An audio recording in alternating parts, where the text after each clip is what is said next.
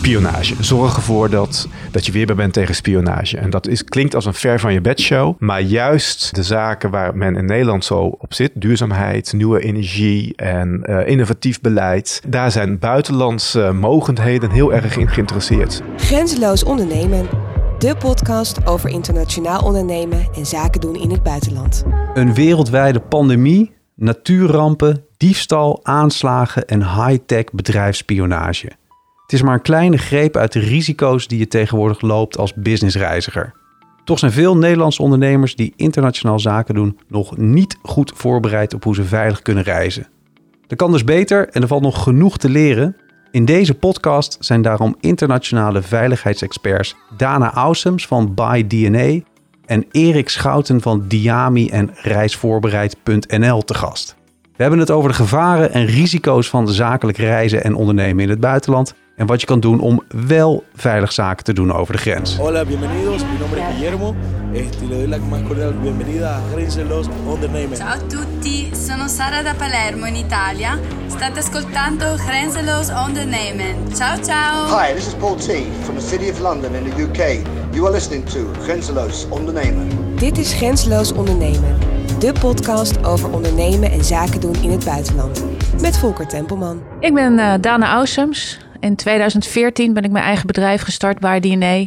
Specialist, consultant op het gebied van havenbeveiliging. Achtergrond uh, bij een particuliere beveiligingsorganisatie. Daarvoor uh, hotelschool en uh, security manager geweest bij een een containerterminal in de Rotterdamse haven. Vandaar mijn passie voor, uh, voor havenbeveiliging. En als consultant vlieg ik tegenwoordig uh, niet alleen binnen Nederland en naar allerlei bedrijven, maar ook de wereld rond. Ja, nu niet hè? Want nu even niet, helaas. Nee. Helaas, ja. Nee, net vorig jaar voordat wij de eerste lockdown hadden, januari 20, ben ik nog uh, een week in Panama geweest voor een opdracht. En that was it. Helaas. Mijn naam is Erik Schouten. Ik ben uh, de oprichter uh, en directeur van Diami. Diami is een bedrijf wat zich bezighoudt met uh, veiligheid in de brede zin. Daar gaan we zo meteen nog verder over praten. Ik heb een carrière van 13,5 jaar bij de Algemene Inlichting en Veiligheidsdienst. En daarvoor ben ik ook ondernemer geweest. Ik heb een internetbureau gehad en een restaurant. verschillende ondernemerscapaciteiten. Ja. Maar in Diami zet ik alles eigenlijk in wat ik heb geleerd bij de overheid. Als het gaat om veiligheid en internationaal ondernemen. En dat wil ik daar, um, daar wil ik ondernemers bij helpen.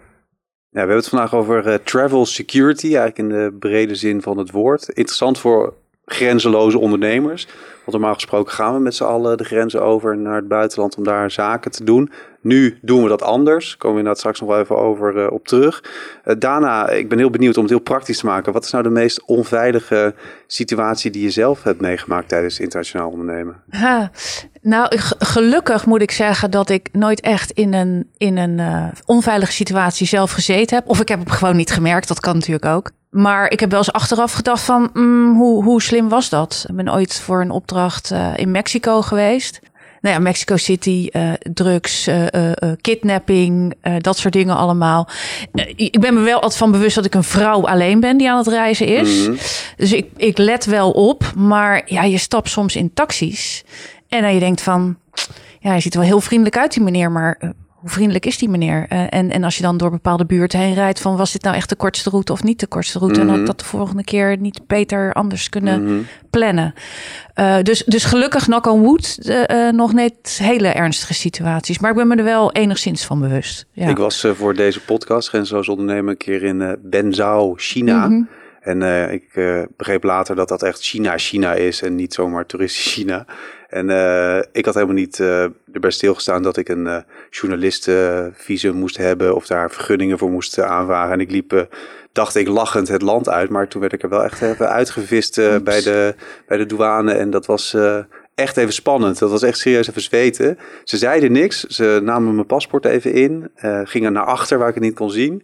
Mijn podcastset werd even meegenomen. En nog geen vier minuten later uh, kreeg ik hem weer terug en uh, werd ik weggeknikt van ga maar, uh, ga maar het vliegtuig in. Ja. Maar later hoorde ik wel van kenners dat dat echt best wel wat uh, probleem had kunnen opleveren. Wat denk jij, Erik? Heb ik toen echt uh, ja, ben ik door het oog van de naald Dit vind ik nou een van de beste voorbeelden die je kan geven van uh, ja, de, hier moet je op voorbereid zijn. En dat is ook de reden waarom ik Diami heb opgericht. in 2019 gestart, eigenlijk drie maanden voor de pandemie uitbrak, met als doelgroep ondernemingen die internationaal ja, um, uh, ondernemen, hè? dus veel reizen. Ja. En, en juist om ze te helpen die bewustzijn te creëren van je moet je reis wel voorbereiden. Vooral als jij verantwoordelijkheid hebt voor je werknemers. Hè? Op pad sturen, stel jij was in dienst van iemand erop uitgegaan, dan heeft dat bedrijf gewoon een, een, een, een duty of care, zoals we dat noemen, een zorgplicht voor je.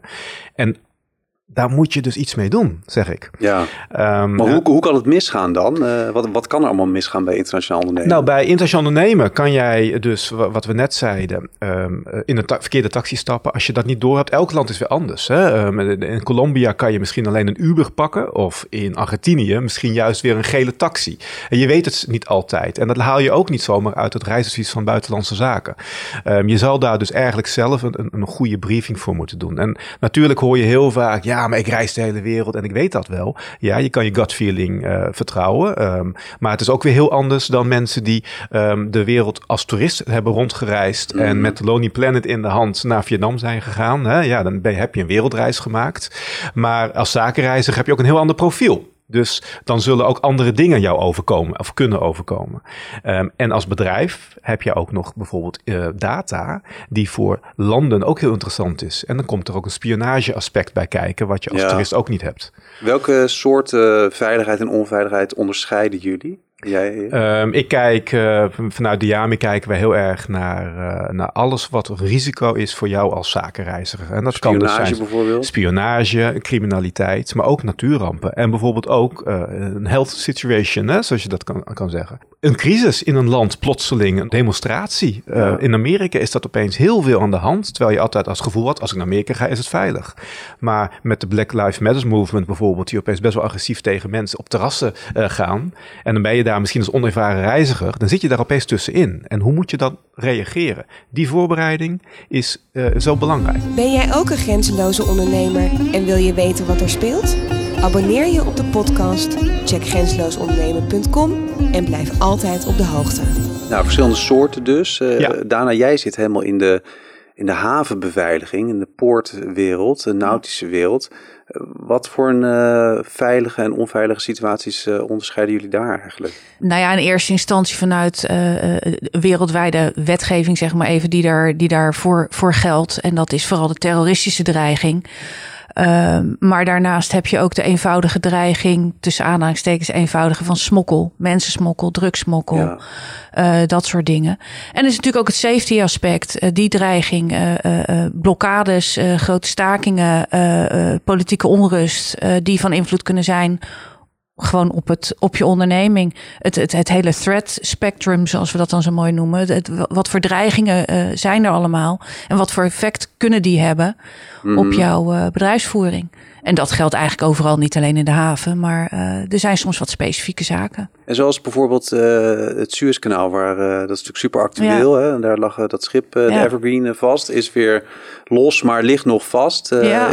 Liabilities, hoe, hoe, aansprakelijkheid. Ja, Hoe geeft dat weer in wat voor een veilige en onveilige situatie ik, ik, um, je, kan nu zeggen van nou, die heeft de, de kapitein of, of iemand heeft een stuurfoutje gemaakt. Maar, maar wat als dit nou een aanslag was geweest?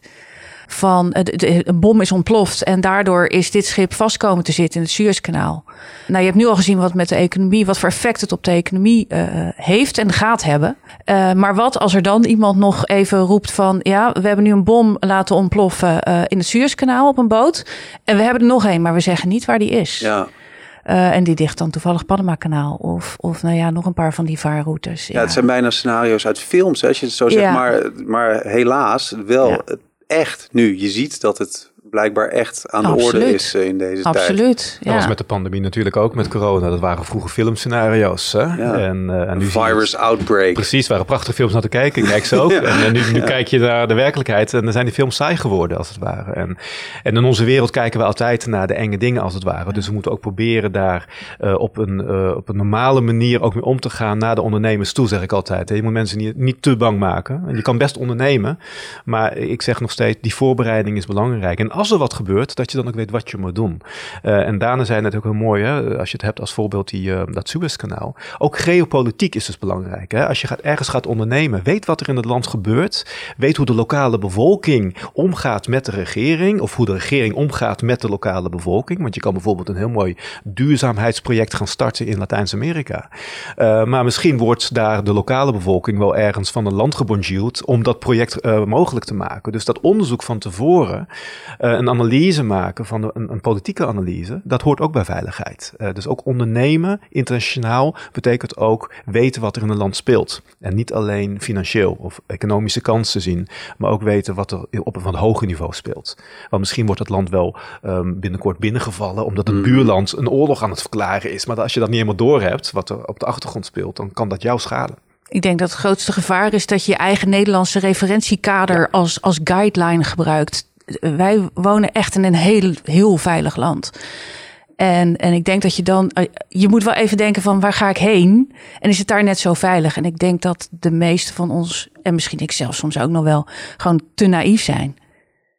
Heb je daar uh, voorbeelden van? Hebben jullie daar voorbeelden van? Van uh, situaties waarbij mensen echt te naïef waren? Nou ja, als ik hem even op mezelf betrek, Thailand bijvoorbeeld, er gaan hele volkstammen op van haar vakantie. Nou ja, voor, voor corona dan. Ja. En daar, daar speelde iets waar ik voorheen echt nog nooit van gehoord had. Want die hield me gewoon niet mee bezig. De rode en de gele vestjes. Maar jij gaat vrolijk op, op vakantie. Hou jij je bezig dat er in Bangkok iets is met rode en gele nee, vestjes? Je hebt de kopipier in je dat hoofd is, en je precies, wil naar de voetbalparty of ja, zo. Ja, en dat is wat je doet. Uh, waar is de rooftop bar waar ik heen ga? En, ja. en dan denk ik van ja, weet je, nogmaals wat, wat Erik net zei. Je moet niet bang worden om op reis te gaan. Maar je moet wel, wel je ervan bewust zijn dat niet elk land Nederland is. En dat uh, ja, wat normaal is voor jou ergens anders niet normaal is. En andersom. Dat zag je ook in Hongkong bijvoorbeeld. In Hongkong, hè, met de nieuwe wet die daar ja. doorgevoerd is, uh, opeens allemaal rellen op straat. En ik heb echt ondernemers gesproken in die tijd die zich echt heel erg rotschrokken van, ja, ik liep daar rond en opeens zat ik in de straat vol met woedende mensen en een, uh, een, een politie die daarop insloeg. En ik zat er tussenin en ik had geen idee, want ik had, had me totaal niet ingelezen. Ja, en dan kom je dus in een situatie dat ze in paniek naar kantoor bellen en uh, niemand kunnen bereiken. Want niemand neemt de telefoon op. Sterker nog, sommige mensen wisten niet eens dat hij daar zat. En dat voelde heel onprettig in zijn ogen. Het, er was geen gevoel van veiligheid, want niemand zorgde voor die persoon.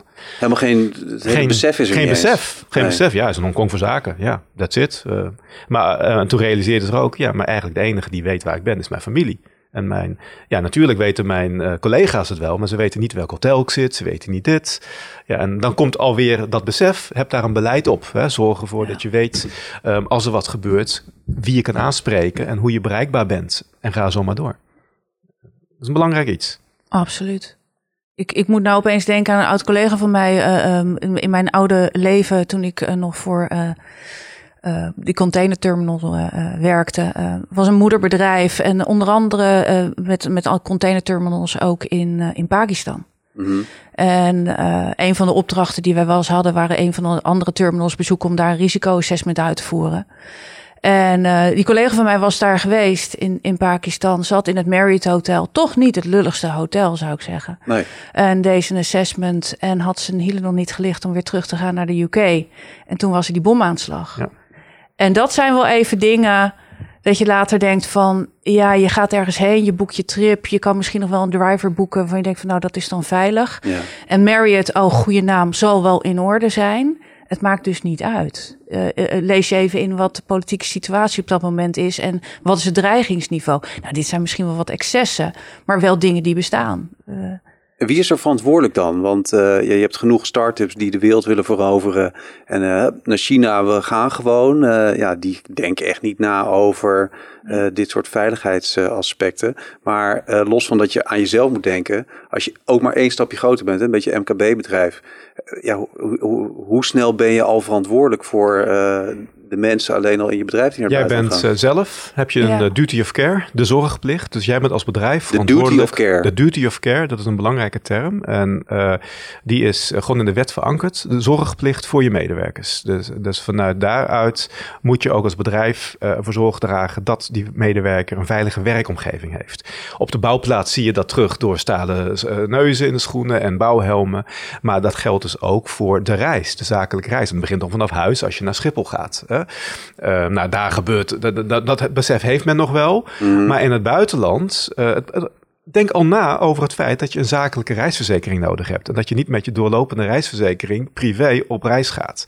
Um, dat zijn, uh, vooral als je een starter bent, dan denk je daar vaak niet over na. Nee. Maar zodra er iets gebeurt en je moet uh, laten zien uh, waarom je er was. En je staat dat, dat er een ticket is betaald door een bedrijf. Dan denk je, ja, wacht eens even, waar is de zakelijke reisverzekering? en ga zo maar door. En hoe ver gaat die duty of care dan? In hoeverre ben je verantwoordelijk? Stel, ik heb drie mensen in dienst en die gaan naar Iedereen het buitenland. Die namens jou gewoon namens jouw bedrijf of als ondernemer, um, jij stuurt mensen weg, dan gaat die verantwoordelijkheid ook in de vrije tijd eigenlijk uh, door. Uh, en, um, en, daarom is het zo belangrijk dat je daar beleid op hebt. Um, ook afspraken maakt. Wat je ook wel ziet is dat mensen die gaan zakelijk ergens naartoe. Dan boeken ze onderling nog even een ticket naar een, uh, een, een ander land, naar een strand. Ja. En dat laten ze niet weten aan de, aan de werkgever. En die werkgever die komt dan erachter als er wat gebeurt. Maar waar is mijn medewerker? Um, en er zijn heel veel rechtspraken, um, die rechtszaken, zeg maar, waarin de, de meter dus negatief uitslaat naar, de, uh, naar het bedrijf. Kan je daar een voorbeeld van geven van zo'n uh, rechtszaak die uh, uit de hand loopt? Een, dat is een, wat, dat een, wil je eigenlijk niet horen, een maar extreem ja, voorbeeld wederom. Maar we, we, praten even wat, wat in de extreme. Um, um, is uh, iemand die is gebeten op de bestemming in een ge, geboekte Airbnb door een hond. En die kreeg rabies. En die is overleden. Uiteindelijk was het bedrijf verantwoordelijk voor het feit dat hij in, het, in die locatie zat en is gebeten door een hond. En daar ook geen, um, juist van tevoren ook geen prikken heeft gehaald en dat soort zaken. Dus uh, het, um, dat vergeet men ook vaak. Ja. Um, prikken halen. Ja, Ja, nu, nu is het wel inenten. Nu is het een, een, een big thing. Hè? We hebben het vaccinatiepaspoort. Maar dat, dat bestaat voor, uh, voor inentingen. En, hou daar rekening mee. Ja, en want dit kan natuurlijk aardig in de kosten lopen als iemand overlijdt. Dat Ja, is uh, Jouw dat is natuurlijk ook enorm. Je komt in de krant van, ja, er is een medewerker van bedrijf X overleden, want het was uh, niet geregeld, et cetera. En een van de andere risico's die ik een hele belangrijke vind, vooral voor innovatief Nederland. Uh, we worden heel erg gepromoot in Nederland om als, als, bedrijf innovatief bezig te zijn. Ga naar het buitenland. Uh, dat, dat is spionage. Zorg ervoor dat, dat je weerbaar bent tegen spionage. En dat is, klinkt als een ver van je bedshow.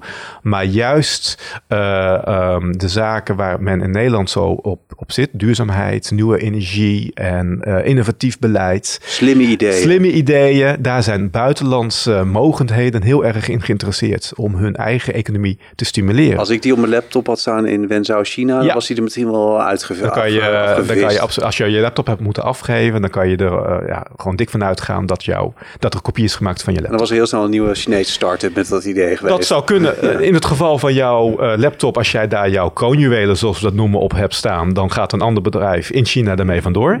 Maar jij kan ook denken aan de gesprekspartners die jij had, dat die misschien een risico lopen. Want die, Ah, de ja. Chinese overheid kan denken dat jij uh, uh, misschien daar wel een politiek getint gesprek had als journalist. En dan loop je dus al tegenaan. Dat, het, dat jouw gesprekspartners gevaar lopen. En dan zijn mijn, inderdaad mijn geïnterviewden, die, uh, die worden dan...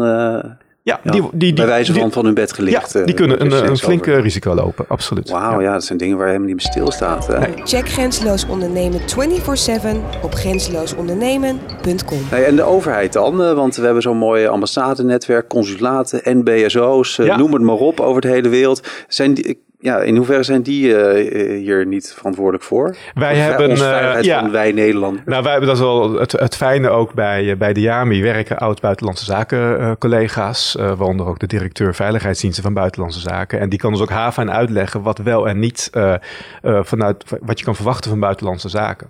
En de buitenlandse zaken heeft het goed ingericht. Hè? Die heeft 24/7 een, een, een callcenter waar je naar kan bellen. Die is nu bekend geworden met de repatriëring van, van mensen die vastzaten in het buitenland. Door corona. Door maar. corona. Ja. Maar um, hun verantwoordelijkheid dat houdt ook snel op. Er zit een grote mate van zelfredzaamheid bij. Het is niet zo dat je uit de films, dat je met je Nederlandse paspoort naar een ambassade rent en dan gaan de deuren open en je wordt geholpen. Nee.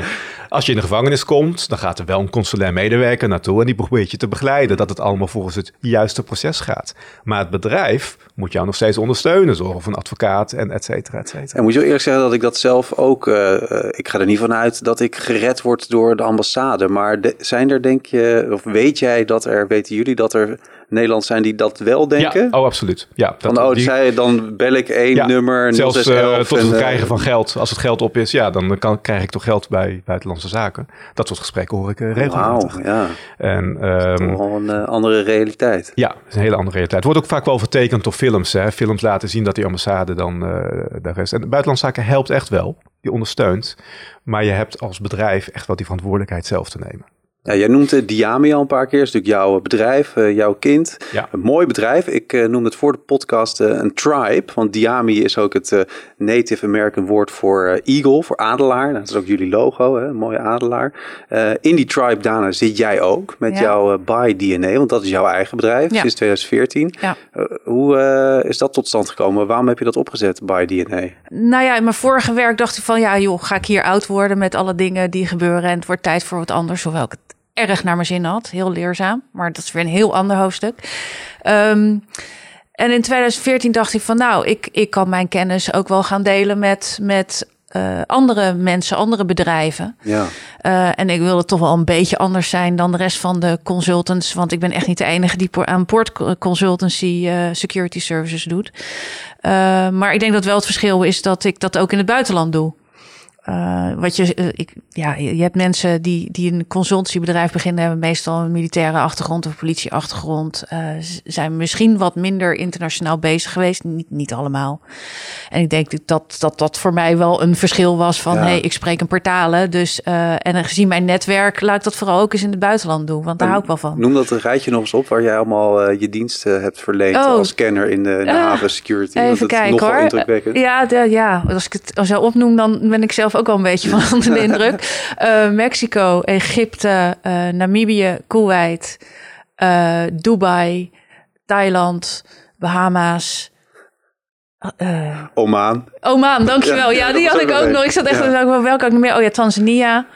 Naar Panama dan. Indrukwekkend uh, ja. rijtje landen ja. waar jij actief bent ja. geweest inderdaad. En die kennis neem je dus mee vanuit je eigen bedrijf, by DNA, in de tribe, zeg ik maar even, Erik, uh, van uh, Diami. En elk project is ook weer een leertraject, hè? Want, want je leert elke dag. Dus dat, het is constante groei. Ja. En, en waar huren, uh, plat gezegd, huren mensen jou vooral voor in? Wat, wat, wat is de kennis die jij hebt? Uh, het is uh, de ISPS-code. dat moet je even uitleggen. International Ship and Port Facility Security Code. Die zijn intrede gedaan heeft na, na 9-11. Dat, nou, de hele korte versie, boten kunnen ook gebruikt worden als wapen. Of de ja. lading die zich erop bevindt. En hoe bescherm je een boot of de havenfaciliteit die die boot ontvangt tegen ongewenste invloeden, met name terrorisme. Maar wanneer je wapent voor terrorisme, kun je ook wapenen voor wow. diefstal en andere dingen. Dus dat met name. Maar ordinair gezegd ook de risico-assessments, beveiligingsplannen, strategieën daarop uh, op loslaten.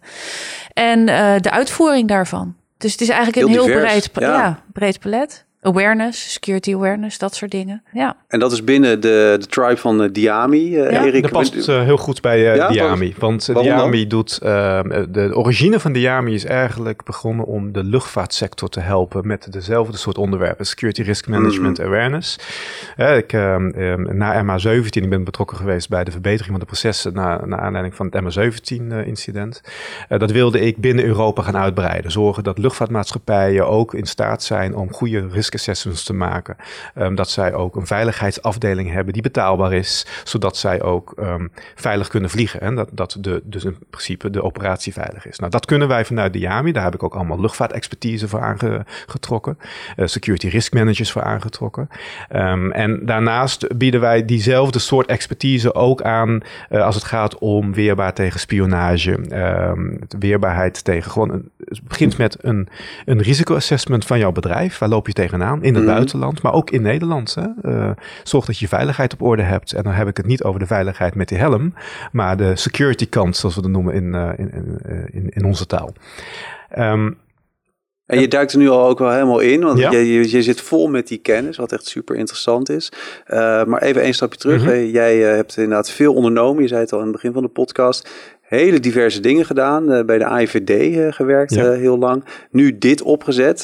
wat was nou voor jou de reden om Diami uit de grond te stampen als ondernemer? Um, de reden is omdat ik uh, heel veel ondernemers zag struggelen met veiligheid. En het is vaak uh, een duur iets. Veiligheid is niet iets waar je in wil investeren. Want uh, ja, waarom? Het gaat toch goed? Hè? Daan zei net ook al, van het is toch altijd goed gegaan. Achteraf kijk ik, ja, hm, had ik wel anders kunnen doen. Maar er zijn ook heel veel momenten waar het niet goed gaat. En ik zag dat uh, ondernemers daarmee struggelen. Ook als het gaat om spionage, als het gaat om, om die weerbaarheid. Uh, en als ambtenaar kan je uh, maar zoveel doen. Dan breng je vooral het slecht weer. Maar je kan ze niet helpen met de maatregelen en de uitvoering. En toen ben ik de overstap gemaakt naar Diami. Om als ondernemer, als mede-ondernemer mm. te denken. Want ik ben ook ondernemer in, in, in mijn bloed. en juist dan security as a service service aan te bieden, zodat we ook met die maatregelen kunnen helpen en het uitvoeren. En aangezien wij ook een start-up zijn, denken wij ook als een start-up, lopen wij tegen dezelfde problemen aan als een start-up. En kan je ook heel goed uh, levelen. En, en ook kijken naar de tariefstructurering die, die nodig is. Want security uh, invoeren kost geld, maar het hoeft niet heel veel geld te kosten. Maar je moet wel een begin maken, zeg ik dan.